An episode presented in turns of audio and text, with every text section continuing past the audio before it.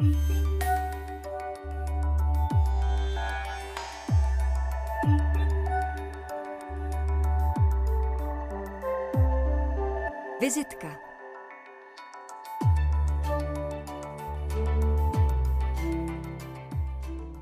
Dobrý den, u dnešní vizitky vás vítá Ondřej Cihlář a proti mě ve Vinohradském studiu už sedí náš dnešní host, historik umění Nikolaj Savický. Dobrý den. Dobrý den. Pan Nikolaj Savický vystudoval historii, doktorské studium pak absolvoval v oboru dějiny výtvarného umění, v němž se zaměřil na sbírky francouzského umění Národní galerie v Praze. Absolvoval řadu stáží a studijních pobytů, včetně pařížského Louvru. Zkušenosti má ale také s prací v české televizi a působil také jako náměstek ředitele Národní galerie. To bylo před deseti lety, konkrétně mezi lety 2011 až 14.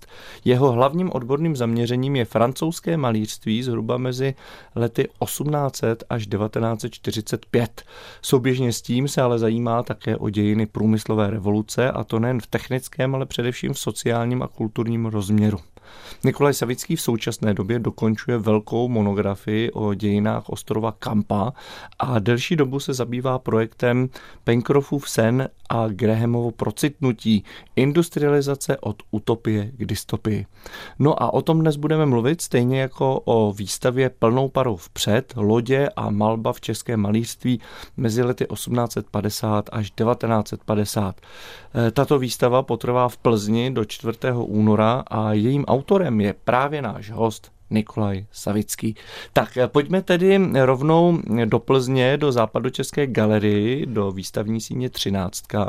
A pojďme si o této výstavě říci více, protože na výstavě návštěvníci uvidí tematické obrazy od eh, autorů, jako jsou Josef Šíma, Antonín Chytusy, Kateřina Černá, Jakub Šikanédr a řady dalších malířů 19. a 20. století. Obrazy mají společné téma, počátky plavby na Vltavě a Laby, stavbu lodí v Čechách a rozvoj paroplavby na Vltavě a její přerod z hromadné dopravy na turistickou atrakci. Tak řekněte nám vlastně úplně na začátku takovou faktografickou, řekněme, takový úvod, eh, protože teď máme tuto eh, lodní dopravu spojenou především s vyhlídkovou plavbou. V jaké době, odkud a kam se jezdívalo ve smyslu toho cestování jako dopravního prostředku? tak eh, hlavní dopravní tepnou Čech byla od jak živa Vltava a Labe. A to platilo nepochybně, nepochybně od prehistorických dob. Už ve 13. století najdeme předpisy pro eh, cla na Vltav, pro vltavská cla. Karel IV. se snažil založit v Praze loděnice, mm. úplně mu to nevyšlo. Pardon, já vám do toho vstoupím, já jsem chalupář, máme rodinnou stavbu kamenou u Vltavy v Týně nad Vltavou, což je tak zhruba v třetině na cestě mezi Šumavou a Prahou. A vím, že tam byla samozřejmě obrovská dlouhá vorařská tradice. Ale z toho vím, že ta Vltava nebyla splavná nikdy moc, protože svatojánské proudy byly vlastně překryty Vltavskou kaskádou až v 50. letech. To je právě na tom to nejpůvabnější, protože pokud jste z Týna nad Vltavou, tak víte, že tam stojí obrovská solnice. Je to tak? Potvrzuji. No. A ta solnice tam stojí z jednoduchých ekonomických důvodů. Eh, když Ferdinand I. chtěl v polovině 16. století nahradit saskou a bavorskou sůl, protože Čechy jsou jaksi zemí, která v jejímž nerostném bohatství sůl chybí, tak chtěl nahradit solí rakouskou, potřebovali dopravit do středních Čech a do Prahy. No a k tomu chtěl využít, eh, využít eh, splavnou Vltavu od Českých Budějovic do Prahy. Eh, ten projekt začal v roce 1547, v roce 1550, 28. září, se proplavily první dvě cíly s náklady, to byly lodě z, německého, z německého cíle, cíle, mm-hmm. tak se proplavily s nákladem, s nákladem soli do Prahy No a pak to přestalo. Mm-hmm. Proč? Ten důvod je velmi jednoduchý. Jednak byla krátká plavební sezóna. Musíme si uvědomit, že mm. Praha, mm. že Vltava je dneska takzvaně, eh, takzvaně kanalizovaná řeka. To znamená, že se vlastně proměnila v soustavu jezer spojených, eh, spojených plavebními komorami a oddělených velkými hrázemi. Ano. Eh, což je ovšem proces, který začal až v roce 1896. A do té doby Vltava byla splavňována úplně jinak. Eh, možná si to neuvědomujete, ale často jdete-li po březích vltavských, kráčíte někdejším řečištěm, protože Vltava je dnes mnohem užší, mhm. než bývala za dob našich předků a také mnohem hlubší. A to byl právě cíl těch splavňovacích prací.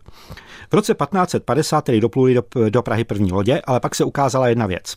Dolů takováhle loď eh, uvezla zhruba 35 tun nákladu. Proti proudu eh, uvezla 3,5 tuny. Mm-hmm. Byla, musela být tažena koňmi a cesta na zpátek trvala 7 až 8 dní. Mm. Což znamenalo, že v poměrně krátké plavební sezóně byste měl posádky lodě eh, mimo provoz vlastně po celý týden dvě třetiny času, protože z Českých Budějovic do Prahy to trvalo tři dny, na zpátek 8. Mm-hmm. No, Čili ano, já vám k tomu ještě vysvětlím, proč silnici v Týně. Mezi Týnem a Českými Budějovicemi bylo možné tu dopravu vyřídit za den. To znamená, loď s nákladem soli připlula do Týna, tam ten náklad soli vyložila a koně ji odvlekli prázdnou zpátky do Českých Budějovic. To se dalo stihnout za dva dny. To mm. bylo v pořádku. Mm-hmm. Takže tam vlastně nestráceli čas ani posádky, ani koně a odtamtud už byla povinnost vorařů odvážet sůl do Prahy. A e, vlastně k tomu se poutá i nejkrásnější, řekl bych, dotační podvod, e, dotační podvod 17. století, který spáchal nesmírně, nesmírně inteligentní a nesmírně šikovný opat Strahovského kláštera Krišpín Fuk, který za císařské peníze splavnil Vltavu údajně od Českých Budějovic po Prahu, ovšem splavnil pouze provory, protože on potřeboval dopravovat z Milevska premonstrátské dříví do Prahy mm-hmm. kdežto císař potřeboval dopravovat sůl na lodích. A protože na to potřeboval Krišpín Fuk velké dotace, tak si je vybral od Ferdinanda pro změnu třetího a eh, postavil mu za to krásný sloup, který dneska najdete pod Slabskou přehradou z původního umístění na skále v sedle. No a eh, tím byl spojen, tím byl splněn premonstrátský cíl, protože premonstráti se potom dalších 300 let o tu Vltavu velmi pečlivě starali, protože právě z Vltavy měli profit eh, ve smyslu prodeje dřeva. No a tím pádem také celé splavňování nedelších 200 let zhaslo. No to je mi jasný, tím se dostáváme k té mé původní otázce a sice eh, od kdy vlastně my můžeme začít považovat Vltavu a z jakého místa za splavnou pro lodě. Protože právě tou mou zkušeností tady Stýna nad Vltavou vím, že tam se plavily do Prahy vory plné dříví, tedy to byl ten materiál, ze kterých byly vlastně sestaveny, ale eh, ta řeka, jak jste řekl správně, byla velmi prudká, velmi divoká a hlavně velmi mělká. Tak na to si musíme pro odpověď do Berlína. Protože v letech 1825 až 1826 podnikl jeden českobudějovický vorař a dvorní plavec, eh, dvorní plavec Schwarzenbergů jistý Adalbert, čili Vojtěch Lana, dvě plavby do Hamburku s vorovými prameny. No a když proplouval Polaby eh, v berlínskou oblastí, tak zjistil jednu úžasnou věc, že v Berlíně byla postavena řada obrovských kanálů, že základní dopravní strukturou pro nákladní dopravu kolem Berlína jsou právě tyto kanály, ale že bohužel v Sasku nemají dříví na lodě. Mm-hmm. Adalbert Lana disponoval dřívím ze švarcemberských lesů, z bukvojských lesů, disponoval loděnicí, která stavěla právě ty cíly, o nich jsem hovořil a jejich jediný exemplář dneska najdeme v Berlínském technickém muzeu, protože v Čechách se žádný nedochoval. Mm-hmm. A uvědomil si, že by to byl skvělý biznis. Takže na začátku 19. století se vyrábělo v Českých Budějovicích ve čtyřech dvorech v průměru 7-8 lodí ročně, aby nahradili tu ztrátu, která vznikla opotřebením, protože taková dřevěná loď mohla fungovat 8, 9, nejlépe 12 let, ale většinou méně. Takže tam vlastně jenom reprodukovali tu, eh, doplňovali, tu doplňovali lodní park, který hmm, hmm. zajišťoval dopravu mezi Českými Budějovicemi a Týnem. A Lana najednou zjistil, že z těch lodí může být skvělý biznis. Takže požádal pražské gubernum, a bylo mu 25 let, takže to byl velk, velmi eh, mladý muž, požádal tedy eh, pražské gubernum, aby mohl si pronajmout Vltavu za to, že na ní bude mít monopol, že ji splavní. Eh, tomu gubernum samozřejmě muselo zamítnout z právních důvodů, protože Vltava byla od roku 1777 státní řeka. Marie Terezia měla smysl pro cimrmanovská data, takže mm-hmm. to, se to dobře pamatuje. To těch 1777 se dobře pamatuje. Ale sehnali peníze, Lanovi ty peníze dali a Lana skutečně od roku, eh, od roku 1833 do roku 1862 splavnil Vltavu pro lodě mezi Českými Budějovicemi a Prahou, tedy po nadjezí Šítkovského jezu v Praze. Mm-hmm. To je neuvěřitelný historický vlastně exkurs, který jste nám tady dal ještě předtím, než se dostaneme k té výstavě. No a tedy pojďme si říci, co uvidí návštěvníci té výstavy v Plzni právě tedy na této výstavě plnou parou vpřed. Ono je to takové, já jsem se dostal k pražské paroplavbě úplnou náhodou. To bylo v létě roku 2014 na střeše Národního technického muzea na té terase, kde jsem se tehdy setkal s ředitelem Pražské paroplavební společnosti a protože jsme se bavili o těch parnících a on říkal, my máme příští rok 150 let výročí. Udělal byste nám k tomu výstavu? A já jsem jako pokrčil rameny a řekl, no proč ne. Pak jsem si uvědomil, co jsem si vzal za sebe, na sebe za úkol a začal jsem si trochu rvát vlasy. Nicméně najednou se začaly vynořovat úžasné, úžasné obrazy. Po celou dobu od 20. let 20. století, koupili je v roce 1925, eh, mají v Brně v Moravské zemské galerii dva obrazy Josefa Šímy, mm-hmm. které byly hezky pojmenovány, které byly hezky pojmenovány Parník na Séně a na Séně.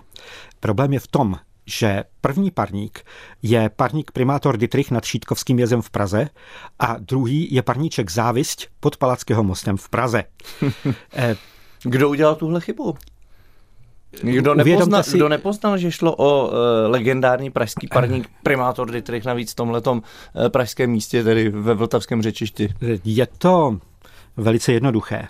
Josef Šíma se v roce 1922 odstěhoval do Paříže, oženil, oženil se tam, namaloval spoustu francouzských lodí, eh, lodě ho zaujali jako téma v dubnu roku 1923 přijel do Prahy a až do srpna 1923 žil, eh, protože přivezl svou nevěstu ukázat své rodině, eh, tak eh, žil nebo pracoval v Praze a pochopitelně v Praze na jaře roku 1923 nemaloval pařížské parníky, ale pražské.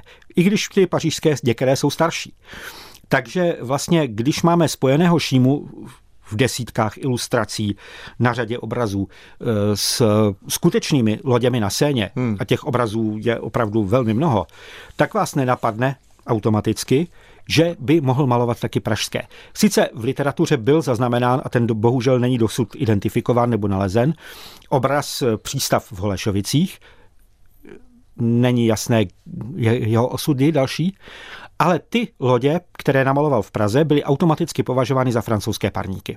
Netýkalo se to jenom Moravské zemské galerie v, eh, v Brně. Týkalo se to například také nebo Moravské galerie, abych jí nepřikládal to slovo zemské. Týkalo se to také Národní galerie, protože v Národní galerii, a to je právě takový arbovní obraz té výstavy, je takový eh, kouzelný, vertikálně koncipovaný obraz Eh, vertikálně koncipovaný obraz typického pražského bočnokolesového parníku, jaký v Paříži nikdy ne, nebo tehdy už nesměl dávno jezdit, jak se otáčí zase nad Šítkovským jezem v Praze a je označován v katalozích Národní galerie jako výjev z Marseille. No, eh, podařilo se vám, když už jste toto vypátral, zjistil, tak to určil a mm, podařilo se vám ty názvy opravit, nebo v těch katalozích pořád jsou vlastně s těmito kuriozními chybami? Vždycky tam ty kuriozní chyby zůstanou a to z jednoho prostého důvodu, protože když stanovujete jaksi rodokmen, pedigree toho obrazu, tak musíte uvádět v každém katalogu postupně ty názvy, pod nimiž byl uváděn, aby se dal identifikovat se starší literaturou. Čili jinými slovy, ano, já doufám, že se ty názvy změní, ale nepochybně v těch katalozích zůstanou i ta stará jména. Rozumím. Říká náš dnešní host, historik umění Nikolaj Savický, eh, objevitel těchto kuriozních omylů. Eh, teď v tuto dobu eh, samozřejmě přichází také první z písní, nebo v tomto případě spíš skladeb, protože půjde o Nikol Bókovou, I guess so. My, vy, jste byl, vy jste nás požádal, abychom vybrali tedy hudbu, která tady zazní. Ostatně ale i přesto, že jste teda to osobně nevybral ty konkrétní skladby, tak co co posloucháte nejradši? Eh, klasiku a jazz. Klasiku a jazz, tak eh, to bude i tedy eh, v té naší vizitce podle tohoto klíče takto vybráno. Pokud se chcete našeho dnešního hosta, historika umění Nikolé Savického na cokoliv zeptat, tak použijte dotazový e-mail vizitka rozhlas.cz. Na, na skladování soli, ano. tak eh, slyšeli jste, eh, pokud eh, nás posloucháte, že Nikolaj Savický mi tady ještě během této písně, této melodie dovyprávěl podrobnosti o Týnské solnici. My se ovšem vracíme zpátky do Plzně k výstavě plnou parou vpřed ve výstavní síni 13, kterou můžete až do 4. února navštívit. A pojďme tedy dokončit tu pozvánku vlastně tím, Jaké ještě další obrazy, kromě těch kuriozních, které jste zmínil, mohou návštěvníci vidět? Případně, jestli tam jsou ještě nějaké další, hmm. o kterých se přesně nevědělo, k čemu odkazují? Tak eh, pochopitelně takových eh, jak jsou, úžasných objevů, jako byly ty, jako byla identifikace těch tří šímových vltavských parníků, tak těch ta se nenaskytne každý den. Ale kdybych si měl za sebe vybrat co bych, co bych jaksi doporučil, tak myslím, že se na této výstavě poprvé na výstavě sešly tři z nejkrásnějších eh, šikanédrových obrazů mm. vltavských, všechny zachycují vltavské parníky v různých, eh, do jisté míry kuriózní a každý z těch obrazů má nějakou zvláštní historii a zvláštní, eh, zvláštní význam ale především jsou vlastně srovnatelné formátem, vznikly ve stejné době. U jednoho jsme schopni ho určit s přesností, řekněme, na dva roky, ostatní vznikly v rozmezí let 1910-1920. No a ty pochopitelně mají, eh, mají velikou, eh, tak jak jsou vedle sebe, tak mají poměrně velkou sílu obrazu a jsou to krásné ukázky Eh, šikanédrovy tvorby. Eh, samozřejmě jsou tam i bizarní eh, záležitosti, jako je obraz Otakara Makovičky Vltavské nábřeží, který je z obce Měchenice a který zachycuje vedle parníků Modřany také v roce 1943, také posázavský Pacifik. Hmm. No, eh, který z těch vystavovaných autorů, protože to je, řekněme, ta průřezová výstava, která se zabývá tímto tématem paroplavby, nejenom tedy na Vltavě, ale pravděpodobně i třeba na Laby, eh, pouze Vltava tam je, tak eh, který z těchto autorů nebo autorek má pro vás obzvlášť přitažlivý vztah k lodím a k paroplavbě? Byl tam někdo, kdo trošku s tím byl, hm, řekněme, propojen hlouběji? Pravděpodobně Jakub Šikanédr, který vlastně byl tím i známý a který eh, se neváhal vypravit například do Troje, aby tam mohl namalovat parník eh, František Josef pod sedleckými skalami, který normálně visí v galerii výtvarného umění v Chebu hmm. a eh, který jsme dlouho nemohli určit, protože, eh, bylo, protože to byl jediný, to byla jediná loď, která jezdila na Dolní Vltavě mezi Mělníkem a Prahou a jezdila od roku 1912 do roku 1914. Takže to bylo velice krátké období.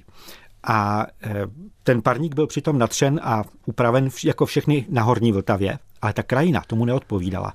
A dlouhá léta jsme se mořili tím, kde vlastně, co to je za loď a kde je zachycena, než se nám to podařilo, než se nám to podařilo díky úvaznímu kruhu určit. No a e, kde jste ji našli? E, bylo to velmi jednoduché, protože, jak už jsem říkal, tak e, Vltava je dneska kanalizovaná řeka, tedy řeka spojená, spojená plavebními komorami a rozdělená hrázemi na řadu takzvaných plavebních stupňů, tedy obrazně řečeno rybníků, z kterých protéká z jednoho do druhého. Tenhle ten skvělý nápad je spojen s budováním českého moderního vodního stavitelství, u něhož základů stal Švýcar Andreas Harlacher a pod jeho žák Wilhelm Plankner. Ale princip spočívá v tom, že v roce 1896 byla v Čechách založena Eh, komise pro kanalizaci Vltavy a Labe v Čechách, která nebyla ničím jiným než eh, státním úřadem určeným k rozdělování státních dotací.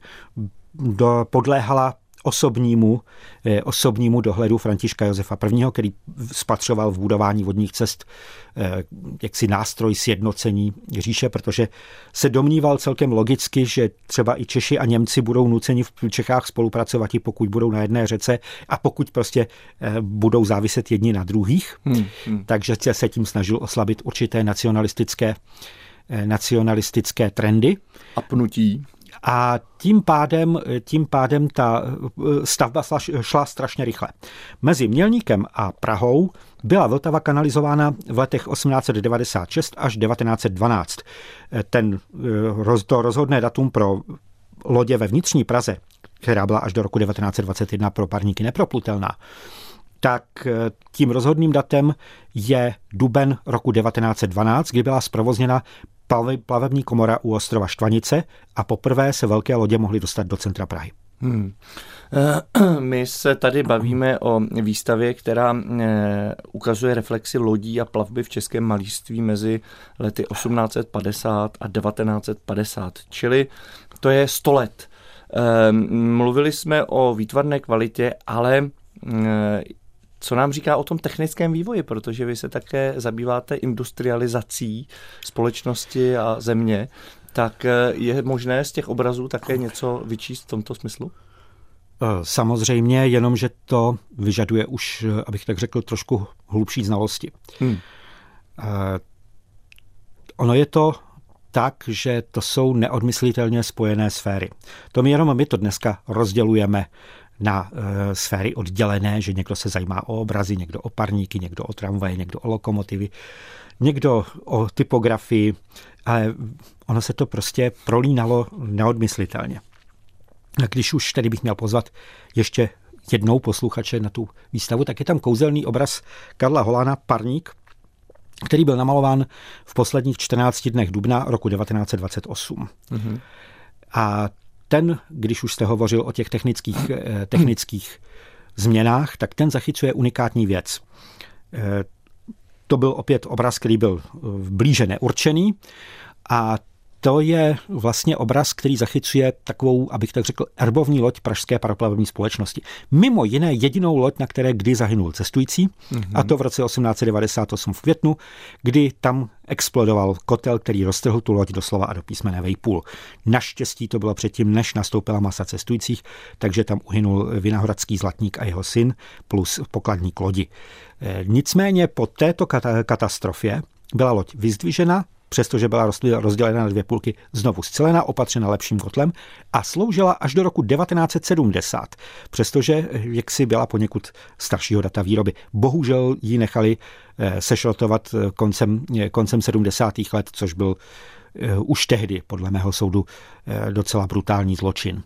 Ale tahle loď prošla řadou jmen. Ta se jmenovala Původně František Josef I. byl to legendární parník z roku 1887. Eh, v roce 1898 sice explodoval, ale byl zcelen. Eh, v roce 1918 se přejmenoval na Zbraslav a protože tu nejstarší loď pražské paroplavby, parník Praha Prák, v roce 1921 prodali do Polska, tak, a protože lepší parník neměli, tak se v roce 1928 dočkal nového nátěru a dočkal, eh, dočkal jména Praha, pod nímž potom sloužil až do roku 1970, ale dočkal se také jedné inovace, která byla úžasná. Do té doby, a to si musíme umět představit, do té doby žádný z velkých pražských parníků neměl kormidlo na kapitánském můstku. Dneska, když nasednete na parník, tak máte kormidlo na kapitánském můstku a považujete to za samozřejmost. Taková samozřejmost to nebyla. Původně kormidla pražských parníků, těch velkých bočnokolesových parníků, tak to byla kormidla, která byla obrovská, železná, položená na plocho a přes pastorek ovládala jediné kormidlo s velikou dlouhou ploutví. Ty parníky, které znáte dneska, tak ty mají takzvaná kormidla systému Hitzler, což jsou více ploutvá kormidla s poměrně krátkými ploutvemi, čili potřebujete v nich menší síly k dosažení stejného efektu. No a aby se tohle kormidlo dalo ovládat, tak od něj vedla přes pastorek tyč rovnou nahoru. Kormidelník stál na takové plošince na zádi a musel ovládat ploché kormidlo eh, o rozpětí kolem dvou metrů. Mm-hmm. Železné. Eh, nebylo to nic pohodlného, my víme z filmových záznamů, když se lodě otáčeli pod Palackého mostem v Praze, že u toho museli být dva lidé, aby dokázali tím kormidlem otočit. Pražská paroplavba v roce 1928 inovovala a pořídila na parník Praha parní stroj, kormidelní parní stroj. Takže se kormidlo přestěhovalo na to. A Karel Holán, který se toulal po pražských březích, aby našel nějaký malebný motiv, tak zachytil tenhle parník přesně v okamžiku, kdy hmm. je na skluzu Smíchovského přístavu a kdy na jeho kapitánském můstku se ckví, a to nepochybně Holand nevěděl, že jaká je to inovace, na jehož kapitánském můstku už je zachyceno kormidelní kolo. Takže vidíte, a pro mě byla obrovskou satisfakcí, když v roce 2015 jsme ten obraz vystavovali v Praze v Národním technickém muzeu, když jsme otočili ten obraz při protokolárním převzetí a vzadu byla, byl nalepený papírek psáno Holanovými slovy Smíchov 1928. Hmm, hmm. Takže vidíte, že skutečně tohle všechno se potvrdilo. My v tuto chvíli tento okamžik velmi krásný a tedy touto satisfakcí ozdobený doplníme výkonem jazzového kytaristy ho Friesla a sice jeho skladbou Egg Radio nebo Egg Radio. Tak to můžeme tedy teď tímto způsobem pokračovat a navázat. A já připomínám dotazový e-mail vizitka zavináč rozhlas.cz. S historikem umění Nikolajem Savickým si v dnešní vizitce povídá Ondřej Cihlář. Zatím jsme se bavili především tedy o e, reálích, které se týkají tedy e, vltavské paroplavby, což je ostatně tématem e, plzeňské výstavy plnou parou vpřed. Jejímž autorem, můžeme říct možná i kurátorem, je náš dnešní host. Ta výstava potrvá v Plzni v, ve výstavní síni 13. do 4. února. A já bych využil rovnou dotazu naší posluchačky, která se ptá, dobrý den, bude tato výstava pokračovat také v jiném městě? Byla by zajímavá i pro, pro cizince. Děkuji a hezký den přeje Michaela Boušková. Tak děkujeme za ten dotaz. Tak jak to vypadá? Takže já předpo... tato výstava, tak jak je postavená, pochopitelně pokračovat nemůže, protože příprava takové výstavy trvá minimálně rok, rok a půl, spíše déle většinou a je závislá na výpůjčkách z mnoha institucí a je to celkem složitá, eh, složitá záležitost, kterou musí ta galerie vyřešit a já tímto děkuji týmu, eh, týmu Západočeské galerie v Plzni, že to zvládli skvělým způsobem. Eh, nicméně předpokládám, protože zase přijdou nějaká výroční, například 160 let paroplavby v Čechách, které vyjde na rok, na rok 2025, že nějaká podobná výstava, podobná akce určitě bude. Hmm. No, ono z logiky věci by bylo fajn, kdyby se taková výstava objevila také v Praze, když už se tedy tato plzeňská týká té vltavské paroplavby. Ostatně eh, Plzeň je městem na pěti řekách. Eh, toto a mě... od roku 1931 měla být eh, oficiálním přístavem. Ano, a tak mě zajímá, jestli tam také vlastně je možné se dostat po Berounce z Plzně do Prahy. To možné určitě je, ano, to je možné. To je možné, ale spíše po. Ale na Ano. Tak, S parníkem bych to neskoušel. Eh, pojďme se ovšem dostat eh, zase eh, kousek dál, protože vaším velkým tématem je také francouzské malířství a průmyslová revoluce. Eh, bylo to, je to tak, že hm, tím vaším odborným zájmem hlavním je francouzské malířství zhruba od roku 1880 do druhé světové války. No, eh, jakým způsobem vlastně se tato dvě témata, francouzská malba a průmyslová revoluce, prolínají? U jakých autorů se vlastně setkávají a jaká, jaká díla máte nejradši? Ono je to velmi jednoduché. Bez průmyslové revoluce nebylo by francouzské malířství eh, od realismu dál. Hmm. Eh, je to velice jednoduché, protože například s průmyslovou revolucí souvisí taková věc, jako je výroba barev v tubách, olejových barev v tubách. Takže když si vezmete, eh, když si vezmete eh, Fontainebleauskou školu a když si vezmete všechny plenéristy, tedy malíře, kteří začali malovat pod širým nebem, tak to nebylo možné do průmyslové revoluce, prostě proto, že mohli udělat maximálně skicu. Mohli udělat skicu olůvkem, později tedy eh, grafitovou tuškou, ale nemohli přijít do plenéru, rozdělat si eh, bednu, utřít barvy, eh, smíchat je spojivem a začít je nanášet na plátno. To by bylo poměrně komplikovaný proces. Takže teprve průmyslová revoluce, která nalila eh, malířské olejové barvy do olověných tub, tak umožnila začátek pleneristické malby. Takže vidíte, že ty souvislosti jsou strašně jednoduché. Hmm. Ale Přirozeně já si dělám trochu legraci, ale je to, je to tak. Nicméně eh, vlastně hlavním tématem, hlavním tématem francouzských impresionistů už eh, od sklonku 60. let 19. století je moderní civilizace. Nástup moderní civilizace a jak ji zachytit. Protože každý malíř pracoval eh, s nějakými eh, vzory, s nějakými ikonografickými schématy. A tato ikonografická schémata se samozřejmě proměňovala v, průměrách, v proměnách eh, doby, nicméně ta ikonografická schémata zůstávala stále určitým vodítkem. Takže jste věděl, jak namalovat chrám, mohl jste namalovat kulatý chrám, tedy válcový podle Vitruvia, mohl jste namalovat antický, mohl jste namalovat od přelomu 18. a 19. století gotický chrám v rozvalinách, trosky a tak dál, ale pořád to byla estetika, která hluboko kotvila v minulosti. Ano. Měla určitou kontinuitu. A najednou přicházely fenomény, typicky železniční most, železnice sama o sobě, eh, parníky, ale také volný čas. Velice důležitá věc, která se rodí s průmyslovou revolucí. Pardon, eh, objevují se na těch obrazech také eh, zachycení nějakých industriálních areálů, továrny a tak dále? Samozřejmě všude. Mm-hmm. To je spíš... Vy jste se k té Francii možná dostal přes francouzštinu, protože jste si vybral ji jako jazyk na gymnáziu, které jste studoval. Tak navíc jste v roce 2000 byl také na stáži v pařížském Louvru, tak kde se u vás vzal ten, ten vztah vlastně k Francii? Ten vztah je mnohem starší. Můj otec byl dosti poután k Francii, jak měl tedy silné silné vztahy eh, s francouzským kulturním prostředím, čili eh, já jsem vyrůstal v něčem, co bylo křížencem muzea a knihovny, takže to je těžký potom nějakým způsobem tím nenačichnout. Hmm. Nicméně, eh, už jsem to zmínil, že v roce 2000 jste byl na stáži v pařížském Louvru, tak co jste tam dělal a vlastně co jste podstatě, tam zjistil v tomhle tam jsem nezjišťoval, prostoru? Tam jsem v principu nezjišťoval nic, tam jsem byl hostem eh, Žána Galára, tehdejšího šefa, eh, šefa kultur, du service culturel, jak by se to přeložilo, prostě marketingu a mm-hmm. těchto záležitostí, čili pro mě, to bylo, pro mě to bylo pouze několik týdnů velmi příjemně strávených. Hmm. No a měl jste možnost nalídnout možná tedy do zákulisí provozu Lůru, tak vzhledem k té velikosti a té, té řekněme toho, tomu eh, světovému významu této galerie. Mohu tak říci, že, je to, že to bylo tehdy velmi skromné Aha. Po, po eh, stránce výbavy a eh, že jaksi čeští kurátoři by se možná někdy divili, v jak skromných podmínkách pracovali tehdy kurátoři v Louvru. Mm. No, eh, to je překvapivé. My se teď v tuto chvíli eh, dostáváme k další písni, k americké kapele Dave Matthews Band a eh, k písni Proudest Monkey.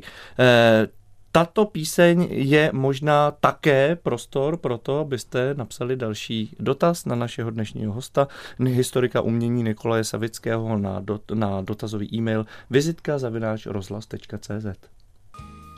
S historikem uměním Nikolem Savickým si v dnešní vizitce povídá Ondřej Cihlář a e, rád bych e, také využil e, poměrně velké aktivity našich posluchačů, kteří se ptají.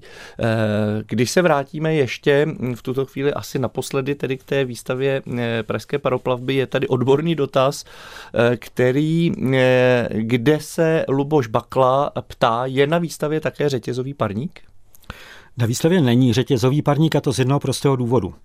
Na Vltavě nikdy žádné řetězové parníky nepluly. A jenom nám eh, trošku nás uvíte do problému, v čem je řetězový parník zvláštní? Eh, řetězový parník, což to, to byla taková rachotící nestvůra, která vlekla nákladní čluny proti proudu po labi.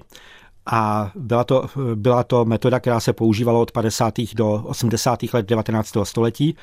Eh, mimochodem spozdila, velice spozdila nástup, eh, nástup kanalizace Labe, dolního Labe, z toho prostého důvodu, eh, že eh, prostě řetězový parník, řetězový pohon je neslučitelný s kanalizací řeky. Mm-hmm. Prostě plavební koborou řetěz neprotáhnete. Rozumíme. A ty řetězové parníky dosloužily v podstatě v 80. 90. letech 19. století Poslední z nich, tedy ještě na, za Československa, fungovaly kolem Děčína v roce 1919. Ale řetězové parníky vlastně na Vltavě nikdy, nik, na Vltavu nikdy nedorazili a i do Mělníka jenom velmi nedobrovolně. Hmm, tak naštěstí možná pro Vltavu, protože tedy nějakým způsobem tedy nezbrzdili tu kanalizaci této řeky. Další posluchač, pan Branislav Laho se ptá, dobrý den, pan Savický načal téma zobrazování volného času. Mohli byste se prosím k tomuto tématu ještě vrátit a to se tedy týká už toho dalšího tématu, kdy jsme řešili francouzské malířství a průmyslovou revoluci. To se týká zejména těch impresionistů. Eh, protože dokud eh, vlastně neexistoval průmysl a dokud neexistoval, neexistoval obchod spjatý s průmyslem, tak vlastně něco takového jako kromě nedělí, eh, něco takového jako volný čas neexistovalo. Hmm. Ale přichází dva fenomény v polovině 19. století, které jsou velice důležité.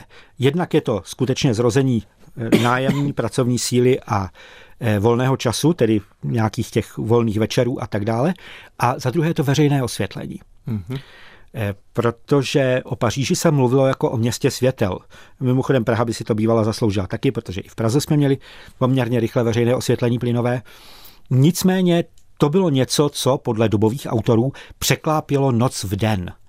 A najednou se eh, ulice měst rozzářily, ale rozzářily se třeba také tančíny, tančírny Montmartreské. Mm-hmm. Takže máte řadu eh, obrazů Henri du Toulouse-Lautreka, eh, Augusta Renoira a řady dalších, které jsou spojeny s tím, že zaměstnanci si začali užívat volný čas, většinou to byli tedy úředníci, málo kdy dělnictvo, ale máte to i u Georges Serata, u e, řady dalších e, malířů této doby, kteří vlastně zachycují způsob trávení volného, odpo- volného času e, v Paříži a okolí. Nejslavnější z těch obrazů je nepochybně nedělní odpoledne na Grand Jat od Georges Serata.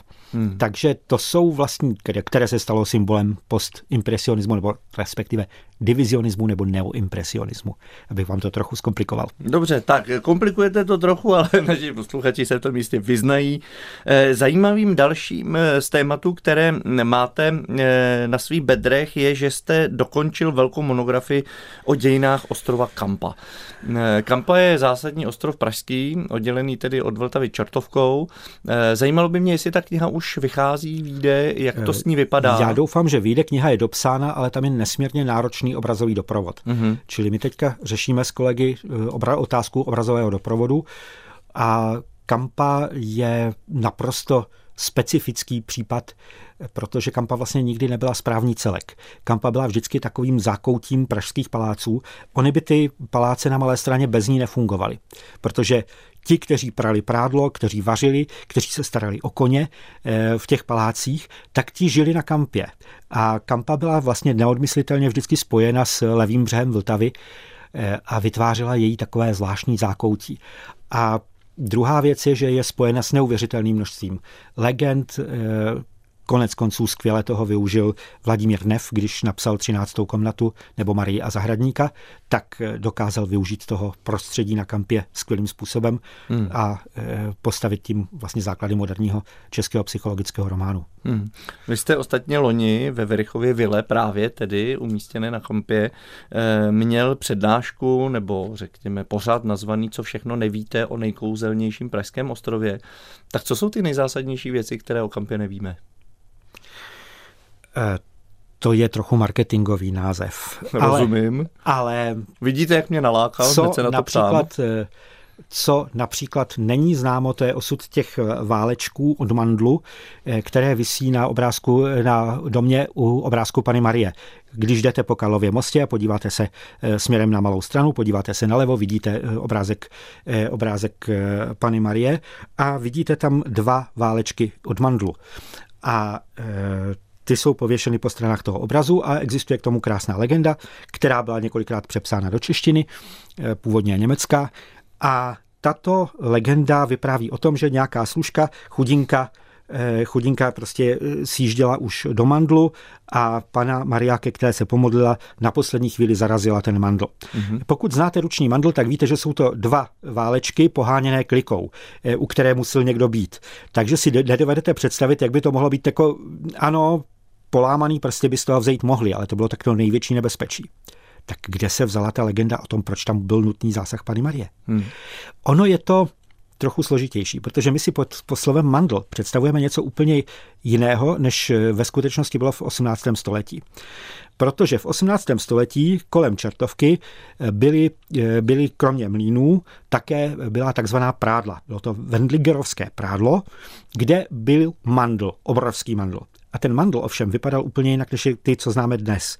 Byla to bedna se dvěma tunami kamení, která se pohybovala po dřevěných válcích sem a tam. K tomu byla ruční obsluha pákou, kdy tedy ten eh, obsluhující vždycky přehodil převod z mlínského kola. Mm-hmm. A tam museli eh, ty dřevěné válce s navinutým prádlem, museli ty služky dávat pod Eh, pod tuhletu pohybující se bednu.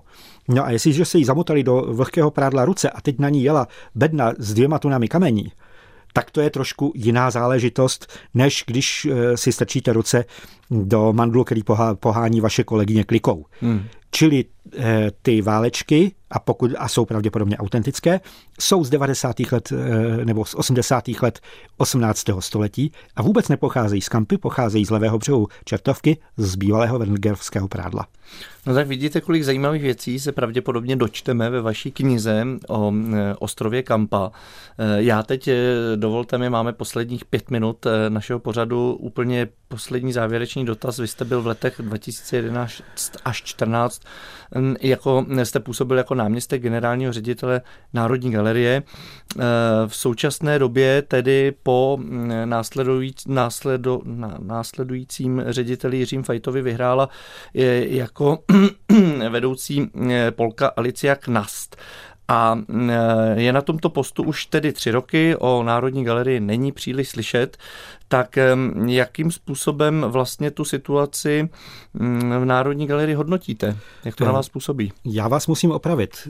Tu, ten konkurs nevyhrála paní Alicia Knast, ten vyhrál pan Marek Pokorný, mm-hmm. ředitel Galerie Platov v Ostravě. Nicméně ona tam tedy působí? Byla tam dosazena, byla tam ministr, dosazena ministrem Zaorálkem. Eh, takže, ale to je taková tradice v Čechách, eh, jak si vítěz konkurzu ne vždy bývá dosazen na místo, na které, které, kde, kde ten konkurs vyhrál. Eh, Národní galerie v podstatě to je teď velmi složitý problém, protože její, abych tak řekl, erbovní budova, veletržní palác musí projít velkou rekonstrukcí a upřímně řečeno, není to budova pro výstavní účely ideální, zejména z technických důvodů. Eh, ale ani s lokalitou, eh, ani jako místo pro eh, dobrou prezentaci výtvarného umění. Nicméně ten problém tkví v tom, že my si vlastně neříkáme, k čemu je Národní galerie dobrá. Národní galerie má jednu zásadní, zásadní povinnost. Vystavovat a zpřístupňovat pokud možno vývoj umění v Čechách od středověku po dnešek. Jinými slovy, soustavu dlouhodobých, já nechci používat slovo stálých expozic, protože ty expozice se proměňují, ale dlouhodobých expozic, které kdykoliv v každém okamžiku v principu zpřístupní její, základy jejího sbírkového fondu pro eh, diváky a budou uspořádány tak, aby umožňovali vytvořit si strukturovanou představu o tom, jak vlastně se to umění v Čechách vyvíjelo. Hmm. A my dneska odbočujeme k úplně, hm, řekl bych, otázkám druhého až třetího řádu, místo toho, abychom si stanovili priority, které jsou pro budoucnost Národní galerie eh, důležité. A já to s tou budoucností v téhle chvíli nevidím nějak zvlášť růžově.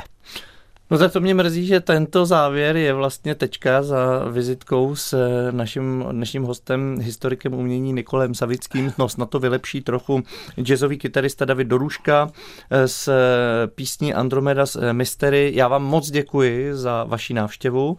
Já za, za pozvání. Eh, spoustu zajímavého, co jsme se dozvěděli, tedy zdaleka nejenom tedy o pražské paroplavbě. No a eh, připomínám, že výstava plnou parou vpřed eh, trvá v Plzni ve výstavní síni 13 až do 4. února, takže je stále možné se tam vypravit a podívat se. Mějte se krásně a nashledanou. Nashledanou. Od mikrofonu se loučí Ondřej Cihlář.